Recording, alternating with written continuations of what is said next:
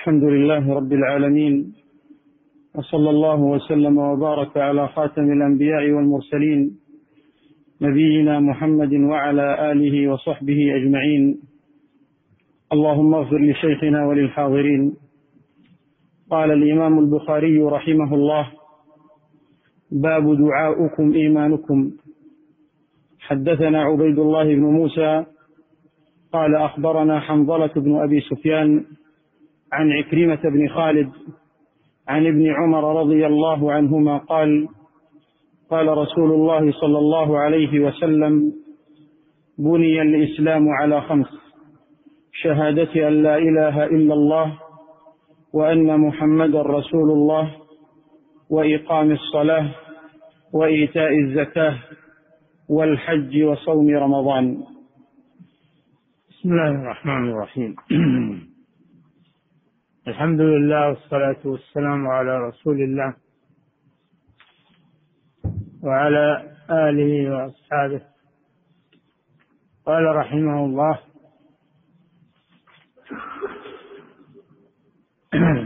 باب دعاؤكم إيمانكم.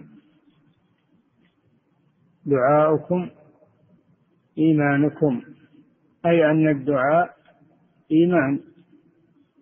والدعاء عمل. الدعاء عمل. فدل على أن دل على أن العمل من الإيمان. ذلك لقوله تعالى قل ما يعبأ بكم ربي لولا دعاؤكم. فقد كذبتم فسوف يكون لزاما. لولا دعاؤكم قيل معناه لولا إيمانكم أي لولا أنكم تدعون إلى الإيمان تدعون إلى الإيمان مع كونهم كفارا فلا يتركون بل يدعون إلى الإيمان.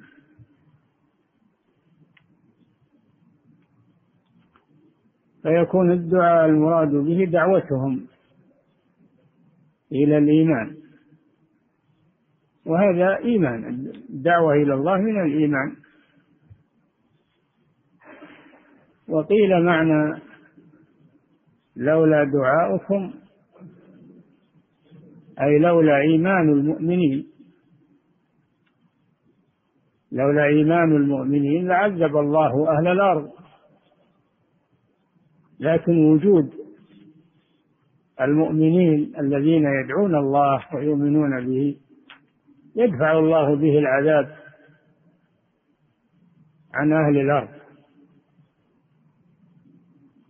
فقد كذبتم الرسول صلى الله عليه وسلم بعد أن دعاكم إلى الله. فسوف يكون لزاما أي عذاب ملازم. سوف يكون لزاما أي سوف يصيبكم عذاب لازم لكم لا ينفك عنكم. هذا وعيد شديد على من على من كذب الرسل عليهم الصلاة والسلام لأن جزاءه العذاب الملازم الذي لا ينفك عنه. حديث ابن عمر رضي الله عنهما قال قال رسول الله صلى الله عليه وسلم بني الإسلام على خمس شهادة أن لا إله إلا الله وأن محمدا رسول الله قام الصلاة وإيتاء الزكاة والحج صوم رمضان. كذا تقديم الحج على الصوم. الرواية الأخرى كما هو المعلوم والمشهور تقديم الصوم على الحج. صوم رمضان وحج بيت الله. الحرام. والشاهد من هذا أن أن الأعمال شهادة لا إله إلا الله وأن محمدا رسول الله وإقام الصلاة وإيتاء الزكاة. صوم رمضان حج البيت أنها من الإسلام أو هي أركان الإسلام. ومبانيه بني الإسلام على هذه الخمس. والإسلام والإيمان بمعنى واحد لا يكون إسلام صحيح إلا بالإيمان كما لا يكون إيمان صحيح إلا بالإسلام فهما متلازمان. لا ينفك أحدهما عن الآخر فدل على أن الأعمال من الإيمان. شهادة لا إله إلا الله وأن محمد رسول الله وهذا قول باللسان اعتقاد بالقلب عمل بالجوارح وإقام الصلاة هذا عمل إيتاء الزكاة هذا عمل صوم رمضان هذا عمل حج بيت الله الحرام عمل.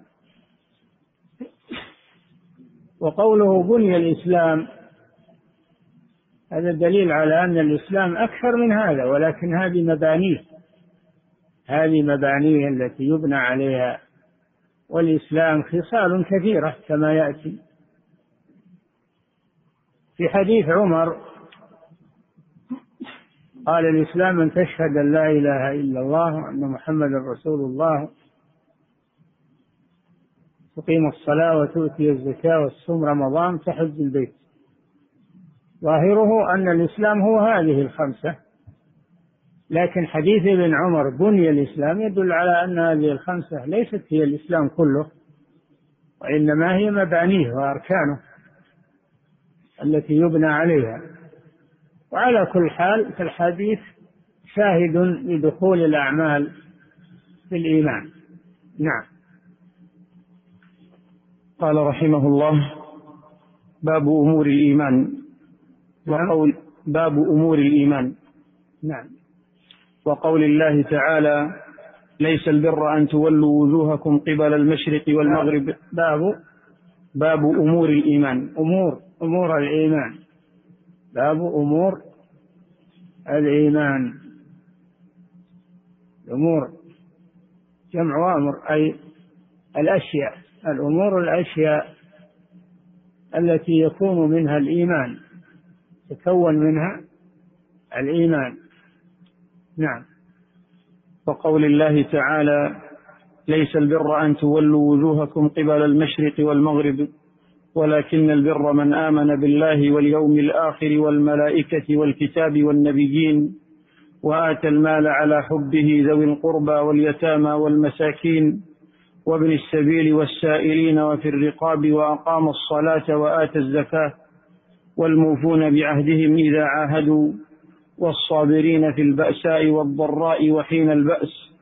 أولئك الذين صدقوا وأولئك هم المتقون. هذه أمور الإيمان. هذه الأشياء المذكورة في هذه الآية الكريمة من أمور الإيمان. ليس ليس البر أن تولوا وجوهكم قبل المشرق والمغرب. هذا رد على اليهود الذين اعترضوا على على تحويل القبلة إلى بيت الله. بدل أن كانوا يصلون إلى بيت المقدس حولهم الله إلى التوجه إلى الكعبة في الصلاة. وكان الواجب عليهم أن يمتثلوا لأن الأمر يدور على أمر الله وشرعه. وليس وليس الإيمان على حسب الأهوى والرغبات. فإذا أمرك الله أن تتوجه إلى بيت المقدس توجه. وإذا أمرك أن تتوجه إلى الكعبة تتوجه. ولا تعترض. الإيمان لا يتعلق بالجهة وإن وإنما يتعلق بأمر الله سبحانه وتعالى. يتعلق بأمر الله. الله هو الذي يوجهك أن تتوجه إلى بيت المقدس أو إلى الكعبة. الواجب أن أن المسلم يدور مع أمر الله حيثما دار ولا يعترض. تولوا وجوهكم قبل المشرق والمغرب ولكن البر من آمن بالله واليوم الآخر والملائكة الكتاب والنبيين هذه أركان الإيمان. هذه أركان الإيمان. إيمان ستة أركان. إيمان بالله الإيمان بالملائكة الإيمان بالكتب الإيمان بالرسل. الإيمان بالقدر كما في الحديث الآخر الإيمان باليوم الآخر يوم القيامة البعث والنشور. هذه أركان الإيمان. ثم قال وأقام الصلاة وآتى الزكاة. يوفون بعهدهم إذا عاهدوا. ولكن البر من آمن بالله واليوم الآخر الملائكة والكتاب والنبيين وآتى المال على حبه. ذوي القربى صدقة الإحسان إلى المحتاجين والأقارب إذا كانوا محتاجين فهم أولى من غيرهم. آتى المال على حبه ذوي القربى. يحب المال هو يحب المال. ومع هذا ينفقه في سبيل الله وهو يحبه. أما الإنسان اللي ما يتصدق إلا بشيء لا يحبه هذا ليس تقربا إلى الله عز وجل. لن تنالوا البر حتى تنفقوا مما تحبون. ويطعمون الطعام على حبه. هذا علامة الإيمان أن الإنسان يقدم ماله الذي يحبه يقدمه في طاعة الله فيؤثر رضا الله على رضا نفسه على يؤثر حب الله على ما تحبه نفسه. وآتى المال على حبه ذوي القربى واليتامى وهم جمع يتيم وهو الصغير الذي ليس له أب دون البلوغ. من مات أبوه وهو دون البلوغ هذا هو اليتيم. لأنه يحتاج إلى الإعانة حيث لا عائل له. مساكين وهم الفقراء. واليتامى وآتى المال على حبه ذوي القربى واليتامى والمساكين وأبناء السبيل. وهو المسافر المنقطع الذي نفد زاده وليس معه ما بلغه. يعطى من الزكاة ومن الصدقات ومن التبرعات قدر ما يوصله إلى غرضه أو يرجعه إلى أهله. هذا ابن السبيل المنقطع المسافر المنقطع. والسائلين الذين يسألون الناس السائل له حق يعطى. السائل يعطى. له حق عليك. وفي الرقاب يؤتي المال في الرقاب يعني العتق يعتق الأرقة العبيد يعتقهم لله يشتريهم ويعتقهم أو يكونون في ملكه ويعتقهم لله عز وجل.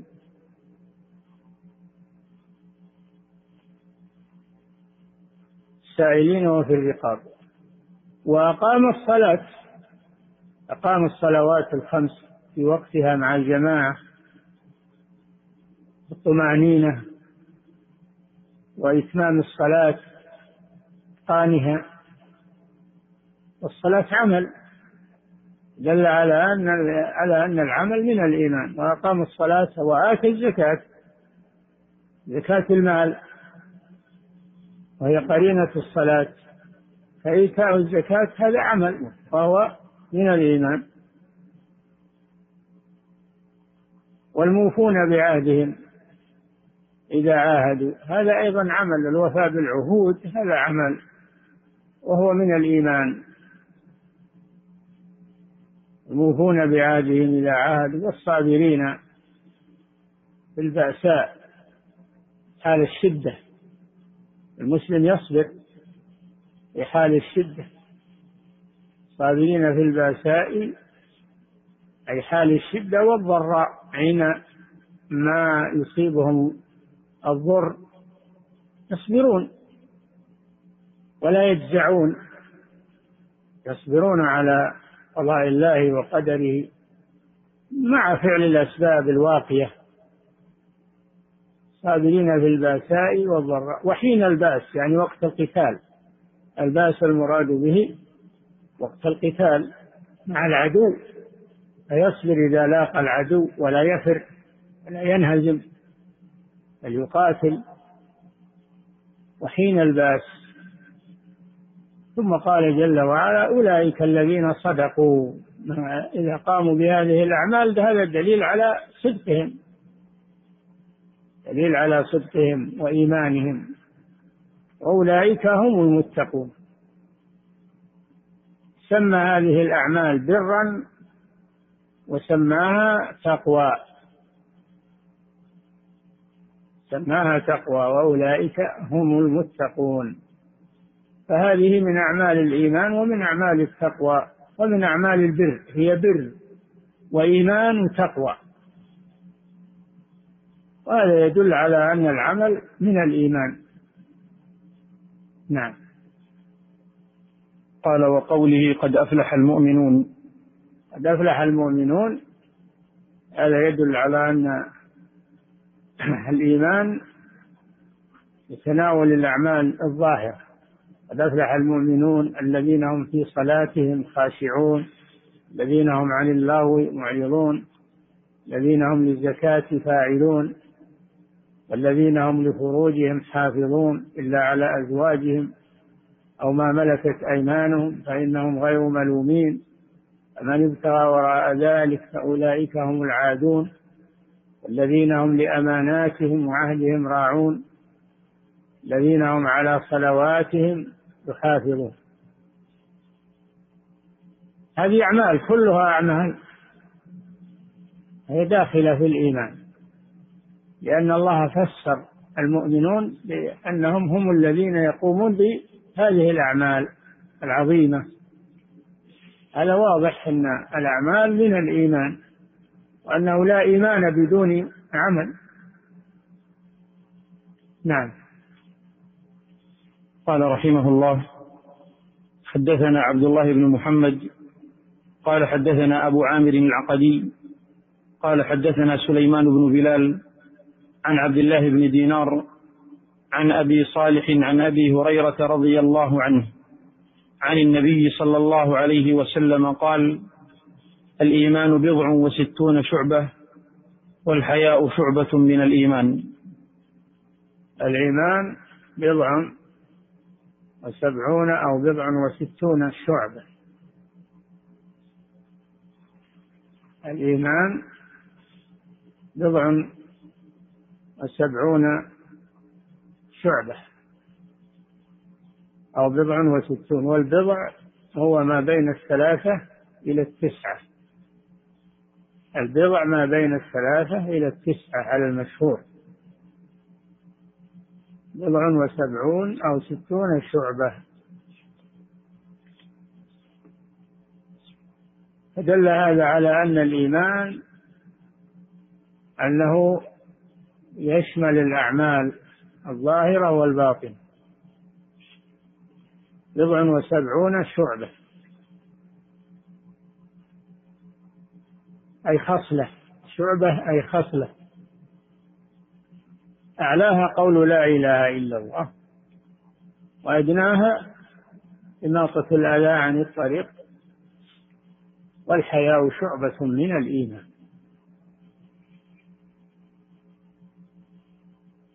فدل على أن القول من الإيمان. أعلاها قول لا إله إلا الله. وأدناها إماطة الأذى والإماطة الأذى هذا عمل عمل فعل. إماطة الأذى فعل وعمل. فدل على أن العمل من الإيمان. والحياء هذا في القلب. والحياء شعبة من الإيمان. الحياء هو خلق يكف الإنسان عما لا يليق. الحياء خلق يكف الإنسان عما لا يليق عما يقبحه ويشينه فهو من الإيمان. أدل هذا على أن الإيمان قول باللسان اعتقاد بالقلب وعمل بالقلب وعمل بالجوارح وأنه شعب ليس شيئا واحدا إنما هو شعب. من استكملها قد استكمل الإيمان ومن نقص شيئا منها نقص إيمانه حسب ذلك يزيد وينقص. نعم. قال رحمه الله باب المسلم من سلم الشعب هي كل الطاعات الشعب هذه كل الطاعات التي أمر الله بها من واجبات ومستحبات فهي من الإيمان. نعم. قال رحمه الله باب المسلم من سلم المسلمون من لسانه ويده. قال حدثنا آدم بن أبي إياس قال حدثنا شعبة عن عبد الله بن أبي السفر وإسماعيل عن الشعبي عن عبد الله بن عمرو رضي الله عنهما عن النبي صلى الله عليه وسلم قال المسلم من سلم المسلمون من لسانه ويده والمهاجر من هجر ما نهى الله عنه. قال أبو عبد الله وقال أبو معاوية حدثنا داود عن عامر. نعم. المسلم من سلم المسلمون من لسانه. ويده. المهاجر من هجر ما نهى الله عنه. الإسلام عرفنا أنه يشمل يشمل الأركان والمباني التي يقوم عليها كما في حديث عمر وحديث ابن عمر. ويشمل كل الأعمال الصالحة كلها من الإسلام. الإسلام ليس شيئا واحدا بل هو أشياء كثيرة. كلها تدخل في الإسلام. وليس مقصورا على الأركان الخمسة بل هو شامل لكل الطاعات وتجنب المنهيات. هذا هو الإسلام. وأعظم ذلك ما في هذا الحديث. أن يسلم المسلمون من لسانه ويسلم المسلمون من يده. هذا من الإسلام بل هو من أفضل خصال المسلم. يسلم المسلمون من لسانه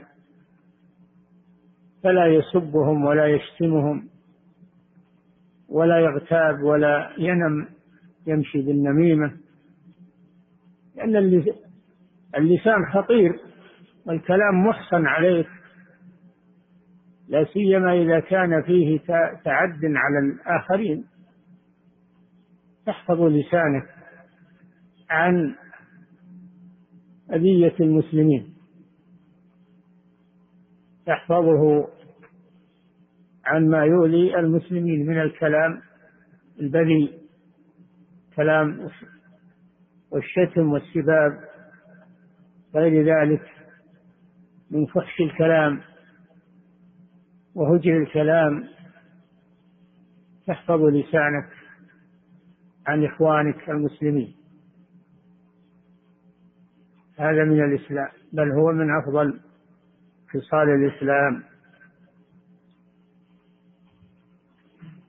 ويسلم المسلمون من يده فلا يتعدى عليهم بالقتل أو بالضرب أو بأخذ أموالهم.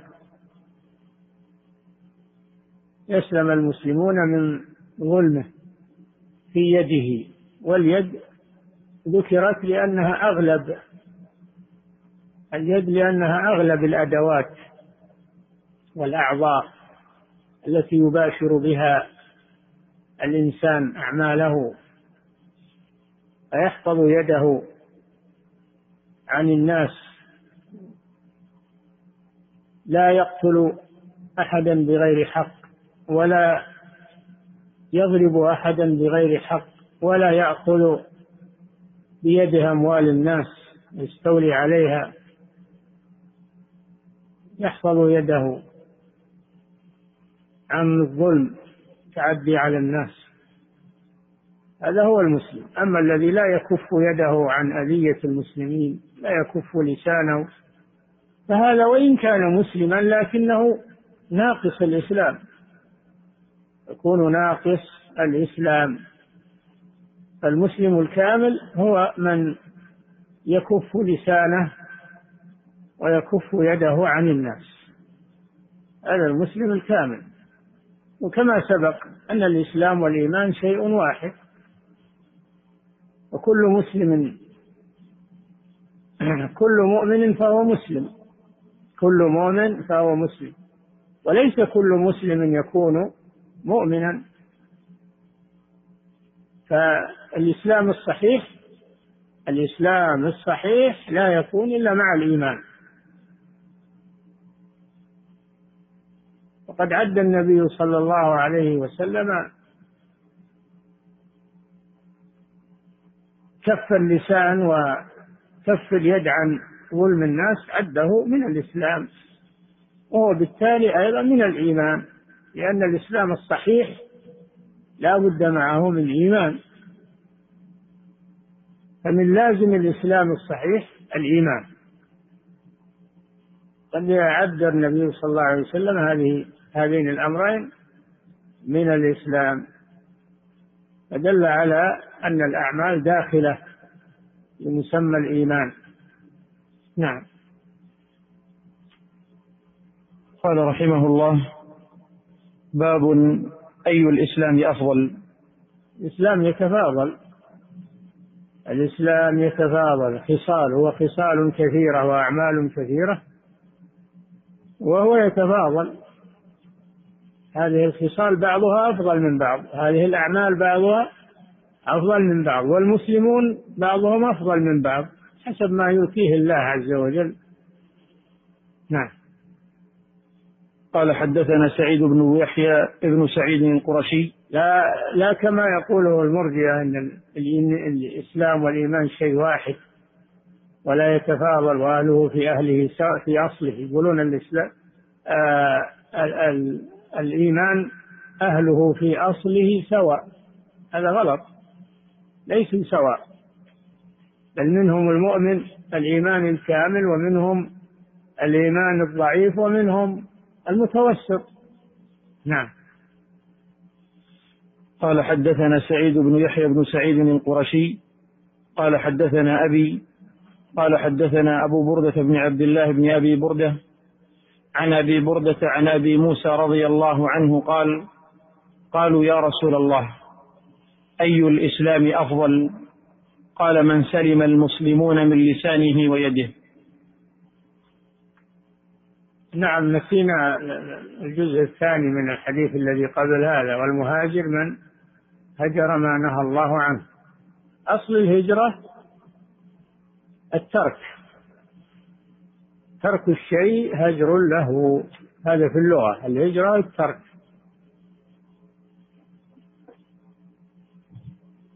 قال تعالى والرز فاهجر. الرز الأصنام واهجر يعني اتركها الهجرة في اللغة أصلها الترك. وأما في الشرع فالهجرة هي الانتقال من بلد الكفر إلى بلد الإسلام فرارا بالدين. فرارا بالدين. المسلم يهاجر من بلد الكفر إلى بلد الإسلام محافظة على دينه وهي من أفضل الأعمال وهي قرينة الجهاد في سبيل الله.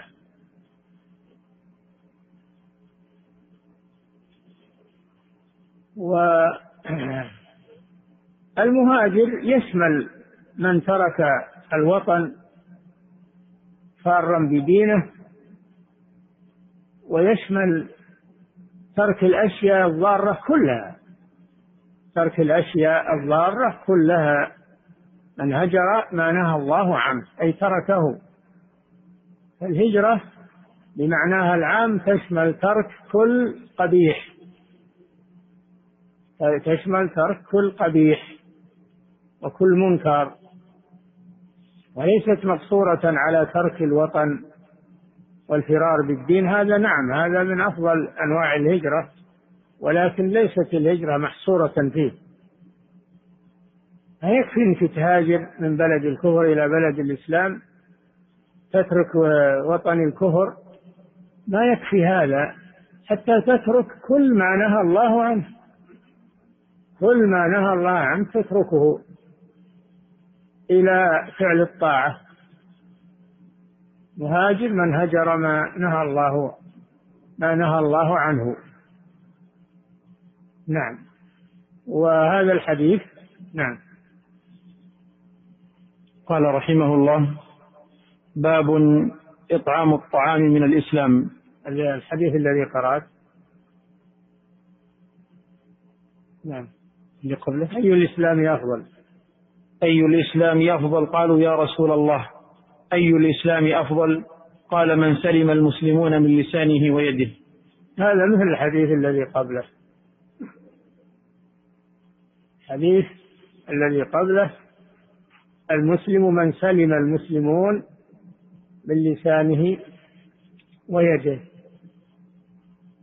وهذا فيه أن هذا أفضل الإسلام. هذا الحديث فيه أن أن كف اللسان وكف اليد عن أذية الناس أنه من أفضل خصال الإسلام. فدل على أن الإسلام يتفاضل. بعضه أفضل من بعض والمسلمون يتفاضلون بعضهم أفضل من بعض. بحسب ما يؤتيهم الله من الطاعة ترك المعصية. نعم. قال رحمه الله باب إطعام الطعام من الإسلام. هل يكفي هذا؟ نعم.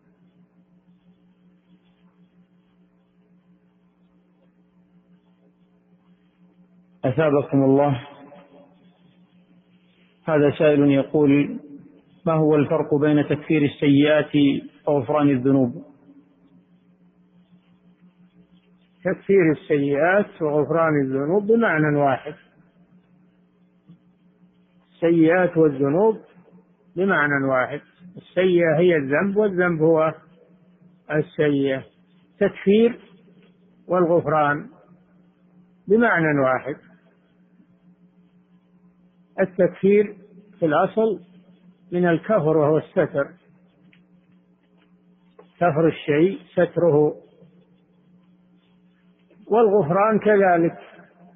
ستر الشيء غفره أي ستره. والمغفر منه المغفر الذي يكون على الرأس. فالتكفير والغفران بمعنى واحد. نعم. أثابكم الله.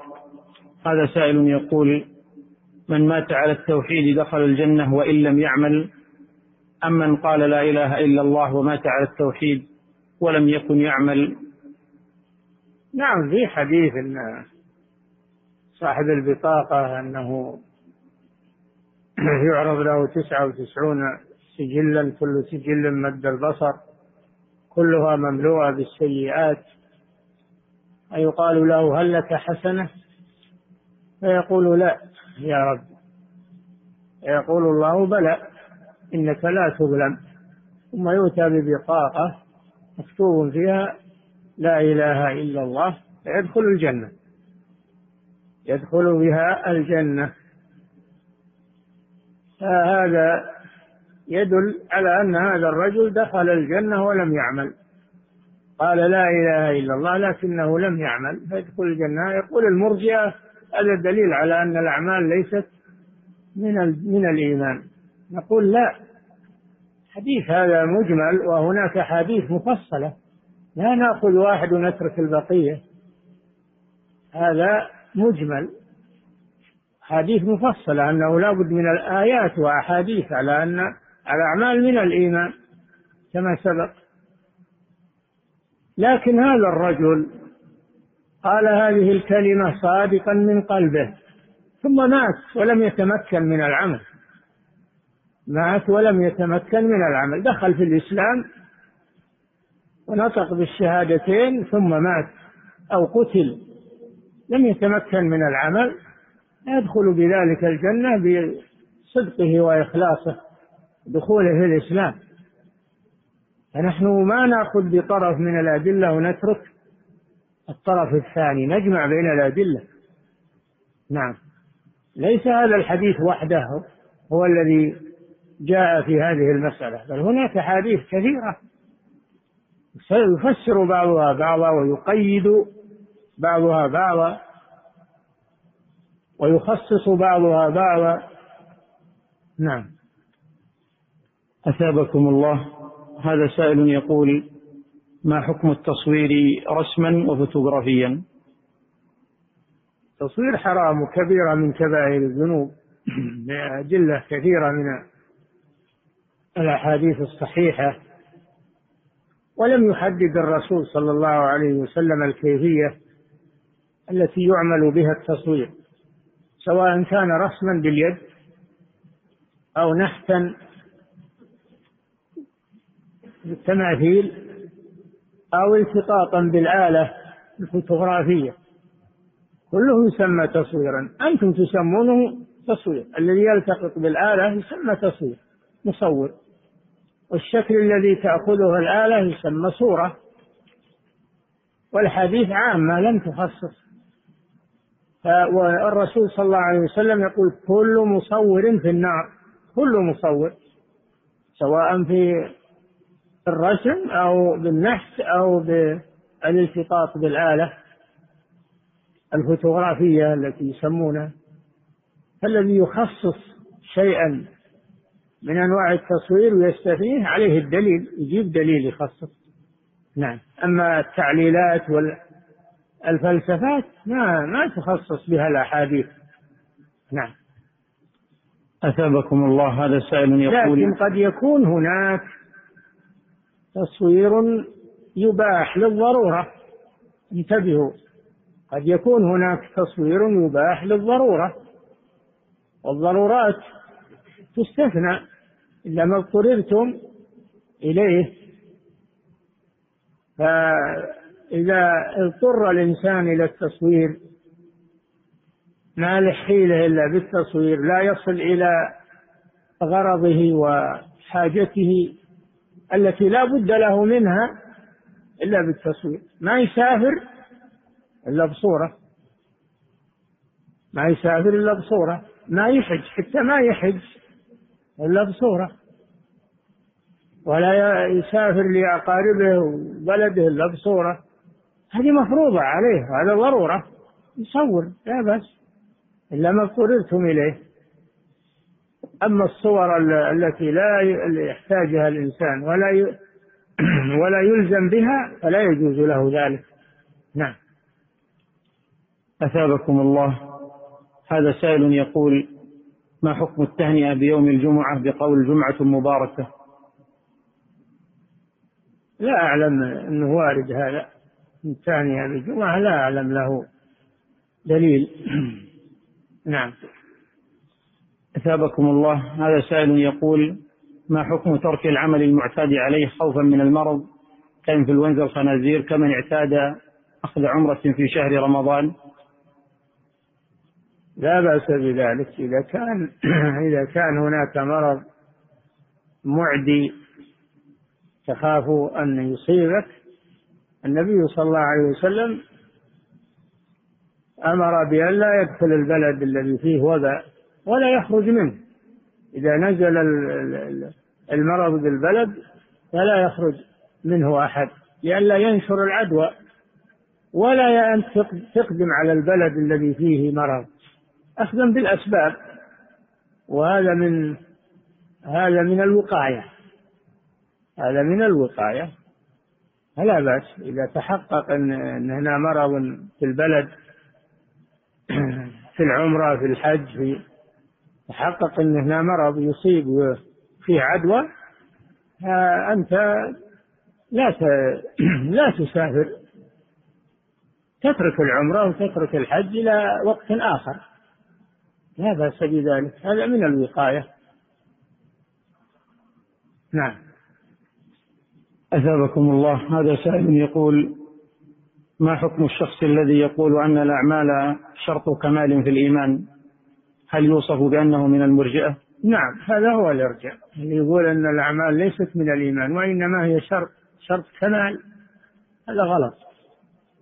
الأعمال أساس في الإيمان أساس في الإيمان. لا إيمان بدون عمل كما أنه لا عمل بدون إيمان. ليست مجرد شرط يقول شرط كمال بعد ما هو شرط وجوب لا. هذا غلط. هذا غلط كبير. نعم. أثابكم الله. هذا سائل يسأل عن معنى قول الله تعالى ولا ينفعكم نصحي إن أردت أن أنصح لكم.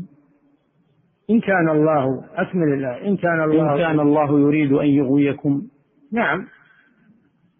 هذا نوح عليه السلام يقول ولا ينفعكم نصحي إن أردت أن أنصح لكم. إن كان الله قضى وقدر. لكم الغواية فلا تنفعكم النصيحة. هذا قالها في آخر الأمر لما أيس من وقيل له إنه لن يؤمن من قومك إلا من قد آمن. عند ذلك قال ما ما تنفع النصيحة لأنه سبق القضاء والقدر. نعم. أثابكم الله هذا سائل يقول كيف نرد على من يقول أن هناك فرقة تسمى مرجئة أهل السنة؟ نعم هناك فرقة تسمى مرجئة أهل السنة. وهم آه علماء الكوفة أو الكوفيون. اللي منهم الأحناف؟ يقولون إن الإيمان قول باللسان واعتقاد اعتقاد بالقلب.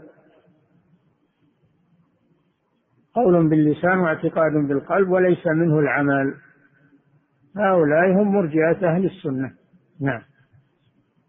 أثابكم الله هذا سائل يسأل عن الفرق بين التصوير بالبث المباشر والتصوير بالآلة الفوتوغرافية. ها؟ يسأل عن حكم التصوير بالبث المباشر والفرق بينه وبين التصوير بالآلة الفوتوغرافية. البث المباشر إنما هو نقل نقل للحركات والناس وهم يصلون وهم هذا نقل نقل الصلاة في المسجد الحرام في المسجد النبوي هذا نقل تشاهد الناس يصلون. في هذه الشاشة تنقله لك أمامك. أما التصوير فهو حبس الصورة حبسها في المكان الثابت تثبت هذه فيما يظهر لي هذا الفرق. مجرد مجرد النقل يختلف عن حبس الصورة وإثباتها ونقلها في تناقلها بين الناس. نعم. أثابكم الله. هذا سائل يسأل عن حكم ما يرى من صور النساء التي تشبه الصور الحقيقية نعم. في ألعاب الفيديو. نعم. حكم ما يرى من صور النساء التي تشبه الصور الحقيقية في ألعاب الفيديو الحديثة ما ما الحكم؟ نعم في فيما يرى من صور النساء م. التي تشبه الصور الحقيقية في ألعاب الفيديو هو الصور تشبه الصور الحقيقية الشكل الصور هي الشكل الذي يحدث تشابه الصورة الحقيقية للنساء وغيرهم. هذا التصوير. نعم.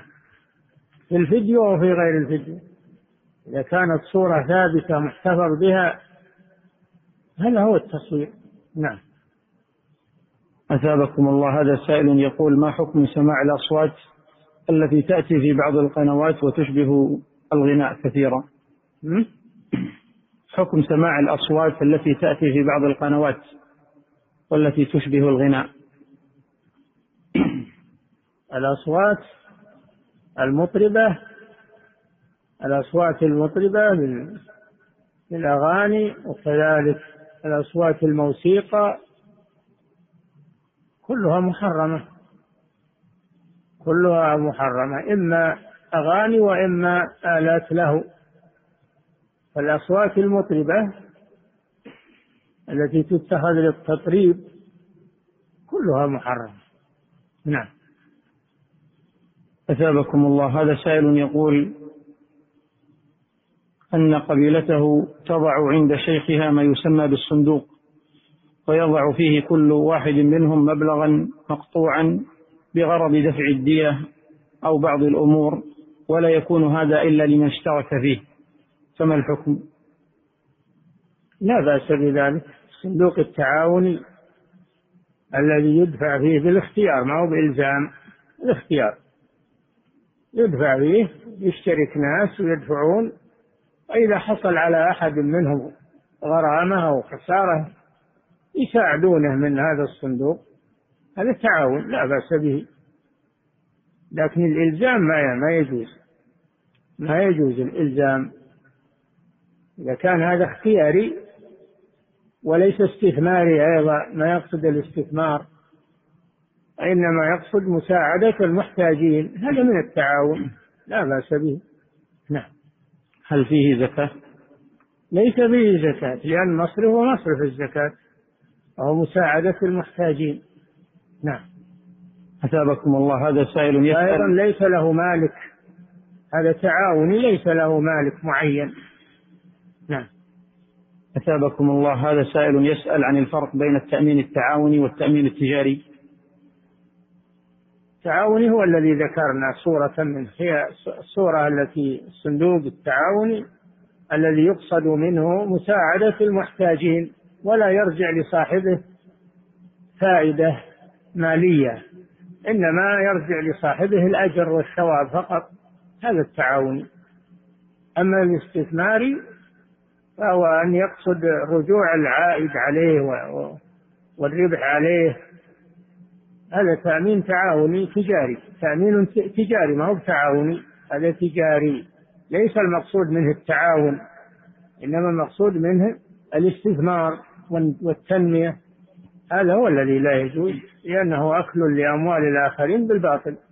فأنت تدفع مثلا مئة ريال إذا حصل عليك غرامة بخمسين ألف مئة ألف يدفعها الصندوق. من أين جابها؟ من أموال الناس الآخرين.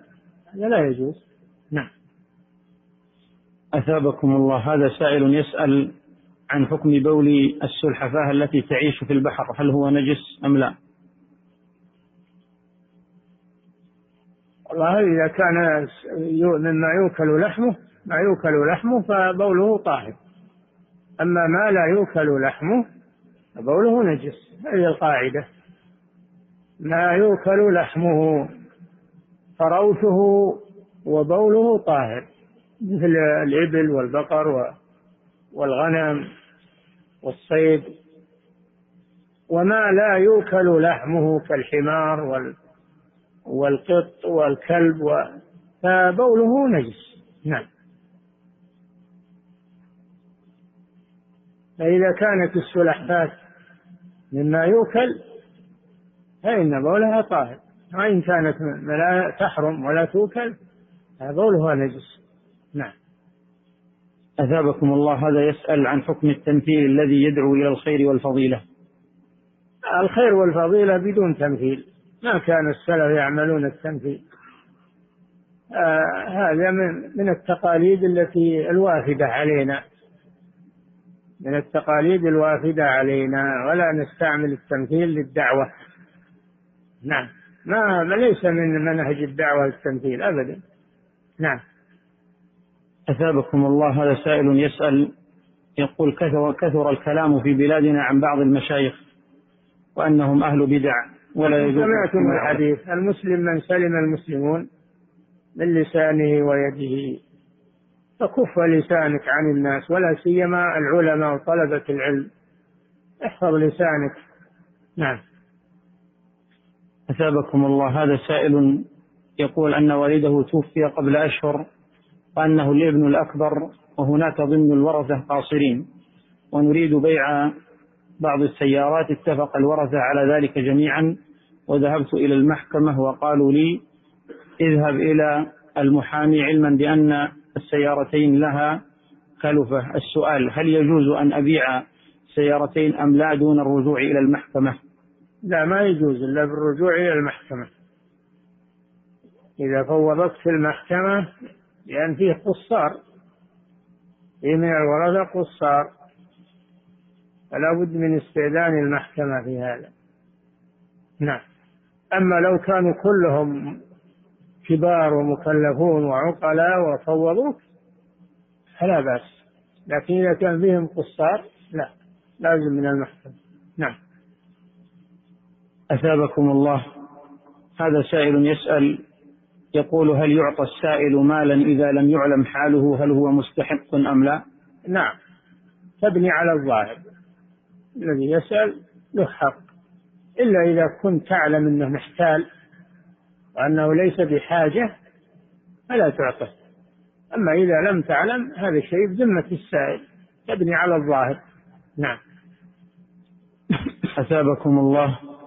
هذا سائل يقول هل يسمى الرجل الذي يهاجر عن أهله إلى بلد آخر لطلب الرزق هل يسمى مهاجرا أم ماذا؟ لا يسمى يطلب الرزق. هذا ما راح فار مدينة راح يطلب الرزق. لا بأس. هذا مباح طلب الرزق. فيكون فعله هذا مباحا. فقد يؤجر على هذا إذا كان قصده إعفاف نفسه وعن السؤال وإغناء آه، أهله. يؤجر على هذا. طلب الرزق هذا من العمل الصالح. أبتغوا عند الله الرزق واعبدوه. نعم. فامشوا في مناكبها وكلوا من رزقه. نعم. لكن لا يقال إنه مهاجر. لا يقال إنه مهاجر يقال يطلب الرزق. نعم. أثابكم الله. هذا سائل يسأل عن قول النبي صلى الله عليه وسلم إنه يقال لقارئ القرآن اقرأ وارتقي ورتل كما كنت ترتل في الدنيا. يقول هل هذا خاص بالحفظه لكتاب الله؟ كل قارئ ظاهر الحديث إنه كل قارئ سواء حافظ أو يقرأ من المصحف. نعم. أثابكم الله.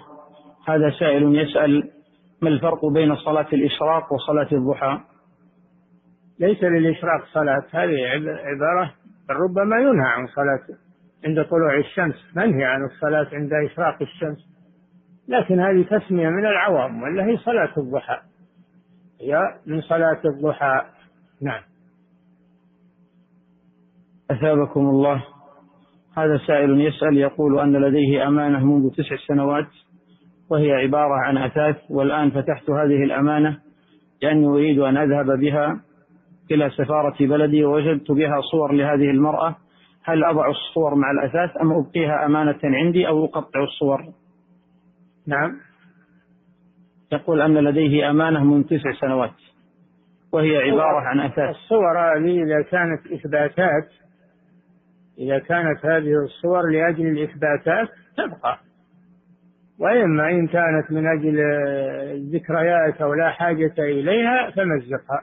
نعم. أثابكم الله. هذا سائل يسأل عن حكم الاستمناء. الاستمناء حرام لا يجوز.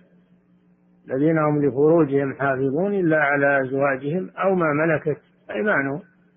فإنهم غير ملومين. فمن ابتغى وراء ذلك فأولئك هم العادون.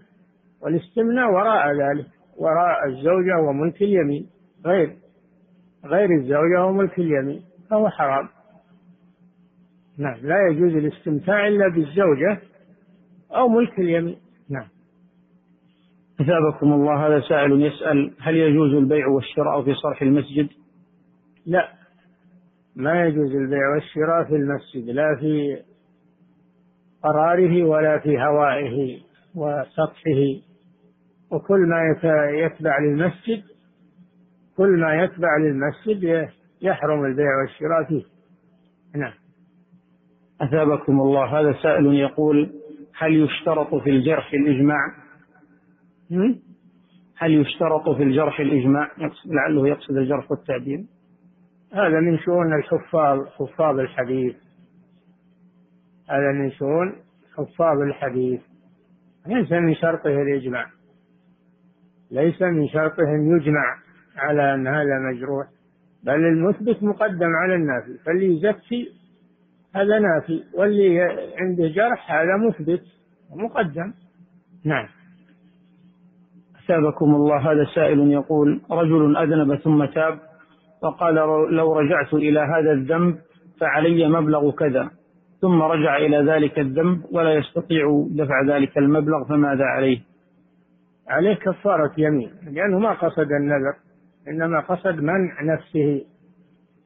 فيكون عليه كفارة يمين إطعام عشرة مساكين أو كسوتهم أو تحرير رقبة فإن لم يجد فصيام ثلاثة أيام. نعم. أثابكم الله. هذا سائل يسأل عن حكم الإعلانات الدعوية داخل المسجد. مش مثل الإعلانات الدعوية؟ ها؟ لعله يقصد إعلانات المحاضرات والدروس. يعني يخبر إن فيه محاضرة في المكان الفلاني وفي المسجد. لا لا بأس بذلك هذا من الدعوة إلى الله. لا بأس به. ما هو لأجل الدنيا؟ حتى لو تخبر بأن فيه درس في المسجد الفلاني أو محاضرة هذا طيب. ويكون في المسجد لا بأس. نعم. حتى لو كتب عليها برعاية مؤسسة كذا أو شركة كذا. نعم. حتى لو كتب على هذا الإعلان. ما هو بالقصد منها طلب المال؟ القصد منها الدعوة إلى الله. من مؤسسة كذا أو من جمعية كذا. هذا القصد الدعوة إلى الله لا بأس بذلك. نعم. أثابكم الله هذا سائل يقول ما حكم من صلى في ثوب به بول حيوان لا يدري أبوله نجس أم طاهر؟ هل يعود الصلاة؟ نعم. ما حكم من صلى في ثوب به بول حيوان لا يدري عن هذا البول؟ هل هو نجس أم طاهر؟ هل يعيد الصلاة إذا تبين له نجاسة بوله؟ إذا كان صلى فيه صلى فيه وانتهى صلاته صحيحة لأنه لا يعلم أنه نجس. أما قبل الصلاة ما بعد صلى الأحوط أنه يغسله الأحوط له أنه يغسله احتياطا نعم. أثابكم الله هذا سائل يسأل عن حكم مشاهدة أفلام الكرتون للأطفال. أفلام الكرتون صور متحركة. صور متحركة فلا يجوز مشاهدتها واستعمالها. صور متحركة وناطقة أيضا. نعم. أثابكم الله. هذا سائل يقول ما حكم الأصوات التي تكون بين البرامج في القنوات المحافظة وهي أصوات بشرية يحاكون بها صوت الموسيقى الموجود في القنوات الأخرى؟ الموسيقى وما يشبهها لا يجوز. الموسيقى نفسها وما يشابهها من الأصوات لا يجوز استماعها ولا استعمالها. نحن عاد غير الموسيقى ولا ما فيها الموسيقى؟ ما يجاب دعاء ما يجاب آه آية أو حديث تذكير للناس. نعم. أثابكم الله هذا سائل يقول هناك من يفرق بين الإيمان والعمل. ويقول أن الله تعالى فرق بينهما في قوله آمنوا وعملوا الصالحات. ما فرق بينهما؟ والعطف ليس للمغايرة وإنما هذا من عطف من عطف الخاص على العام.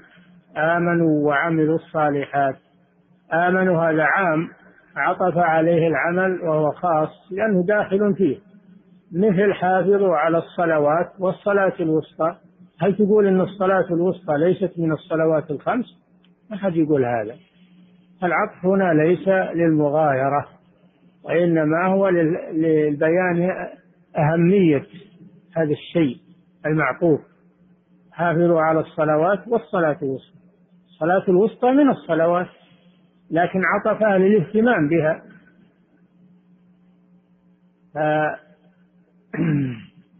فلا شك أن العطف ما يكون دائما للمغايرة وأن المعطوف غير المعطوف عليه. لا.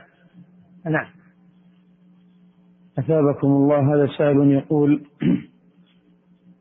رجل نام عن صلاة العصر واستيقظ لصلاة المغرب فهل يصلي المغرب أم العصر؟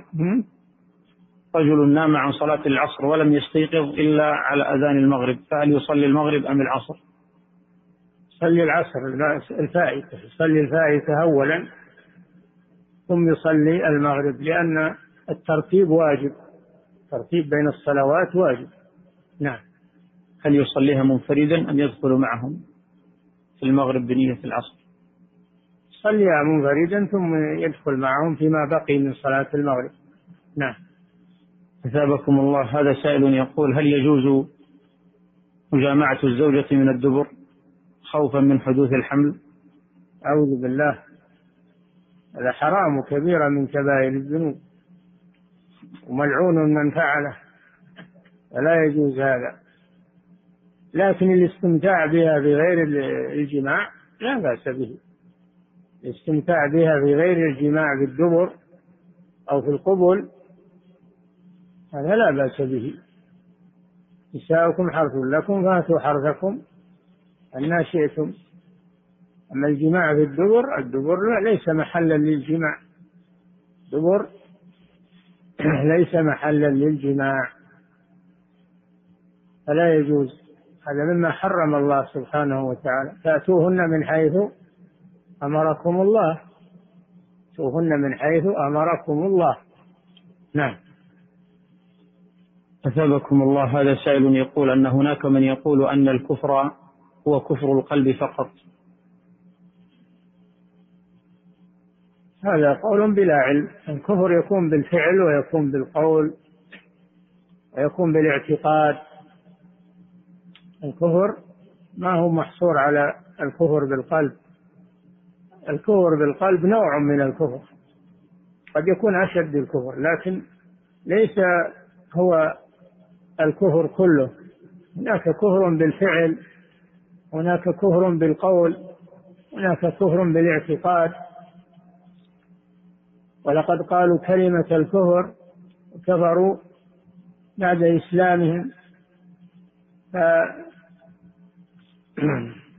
وكذلك الذين قالوا ما رأينا مثل قرائنا هؤلاء. هذا كلام ولا لا؟ ما رأينا مثل قرائنا هؤلاء. قال الله جل وعلا قد كفرتم بعد إيمانكم. ولم يسأل عما في قلوبهم بل كفرهم بما نطقوا به تكلموا به. نعم. أهو انتهى الوقت. بقي خمس دقائق. ها؟ بقي خمس دقائق. يلا. سابكم الله هذا سائل يقول أن بعض طلاب العلم استبشروا بوفاة الشيخ ابن جبريل رحمه الله فهل هذا الفعل صحيح؟ هذا لا يجوز. استبشار بموت المسلم عموما لا يجوز لأن هذا ظلمة في الإسلام. فكيف بموت العالم؟ كيف بموت العالم؟ فلا يجوز هذا أنهم يفرحون بموت عالم من علماء المسلمين. هذا إنما يكون إما عن جهل وإما أن يكون عن نفاق والعياذ بالله. نعم. أثابكم الله. هذا سائل يقول هل يشترط لكون الشخص من الراسخين في العلم أن يكون كبيرا في السن أم قد يكون شابا؟ الرسوخ في العلم ليس مقصورا على كبار السن. قد يكون شاب وهو راسخ في العلم كعبد الله بن عباس رضي الله عنه وغيره من شباب معاذ بن جبل ومن شباب المسلمين. نعم. أثابكم الله. هذا سائل يقول ما حكم من قال لزوجته أنت علي كظهر أمي وهو لا يعلم الحكم ولا يعلم عقوبة الأمر لأنه جاهل به؟ هذا إذا قال لزوجته أنت علي كظهر أمي حكمه أنه ظهار عليه كفارة الظهار. عتق رقبة فإن لم يجد فصيام شهرين متتابعين فإن لم يستطع فإطعام ستين مسكين. ولا ينظر إلى كونه ما ما يعرف هذا هذا اللفظ أو ما ما ينظر إلى هذا. من تلفظ بهذا هو مظاهر عليه كفارة الظهار ولا يطأ زوجته إلا بعد تقديم الكفارة من قبل أن يتماسى نعم. أثابكم الله. هذا سائل يسأل عن حكم الصلاة في البنطلون. صلاة جائزة صحيحة لكن ما هو أحسن الصلاة بالبنطلون لأنه ضيق لأنه ضيق ولا يستطيع لابس البنطلون. لا يستطيع أن يأتي بالصلاة على الوجه المطلوب في الجلوس وفي الركوع والسجود. يضيق عليه. يكون يلبس ثوبا واسعا. نعم. أثابكم الله. هذا سائل يقول أن ما حكم ما الحكم في شخص بنى مسجد وأراد أن يستفيد من منافع بجوار المسجد مثل فتح صيدلية أو عيادات أو تأجير الدور الأرضي تحت المسجد وكل ذلك في مبنى واحد؟ لا يقتطع شيء من المسجد لمصالحه لا يقتطع شيئا من المسجد أو من مرافق المسجد لأجل مصالحه هو. هذا لا يجوز لأن المسجد أصبح وقفا. المسجد أصبح وقفا فلا يجوز له أن يأخذ منه شيئا لنفسه. نعم. وإن كانت وقفا للمسجد؟ ها؟ وإن كانت هذه المحلات وقف للمسجد يعود ريعها للمسجد؟ إذا كانت للمسجد لا بأس.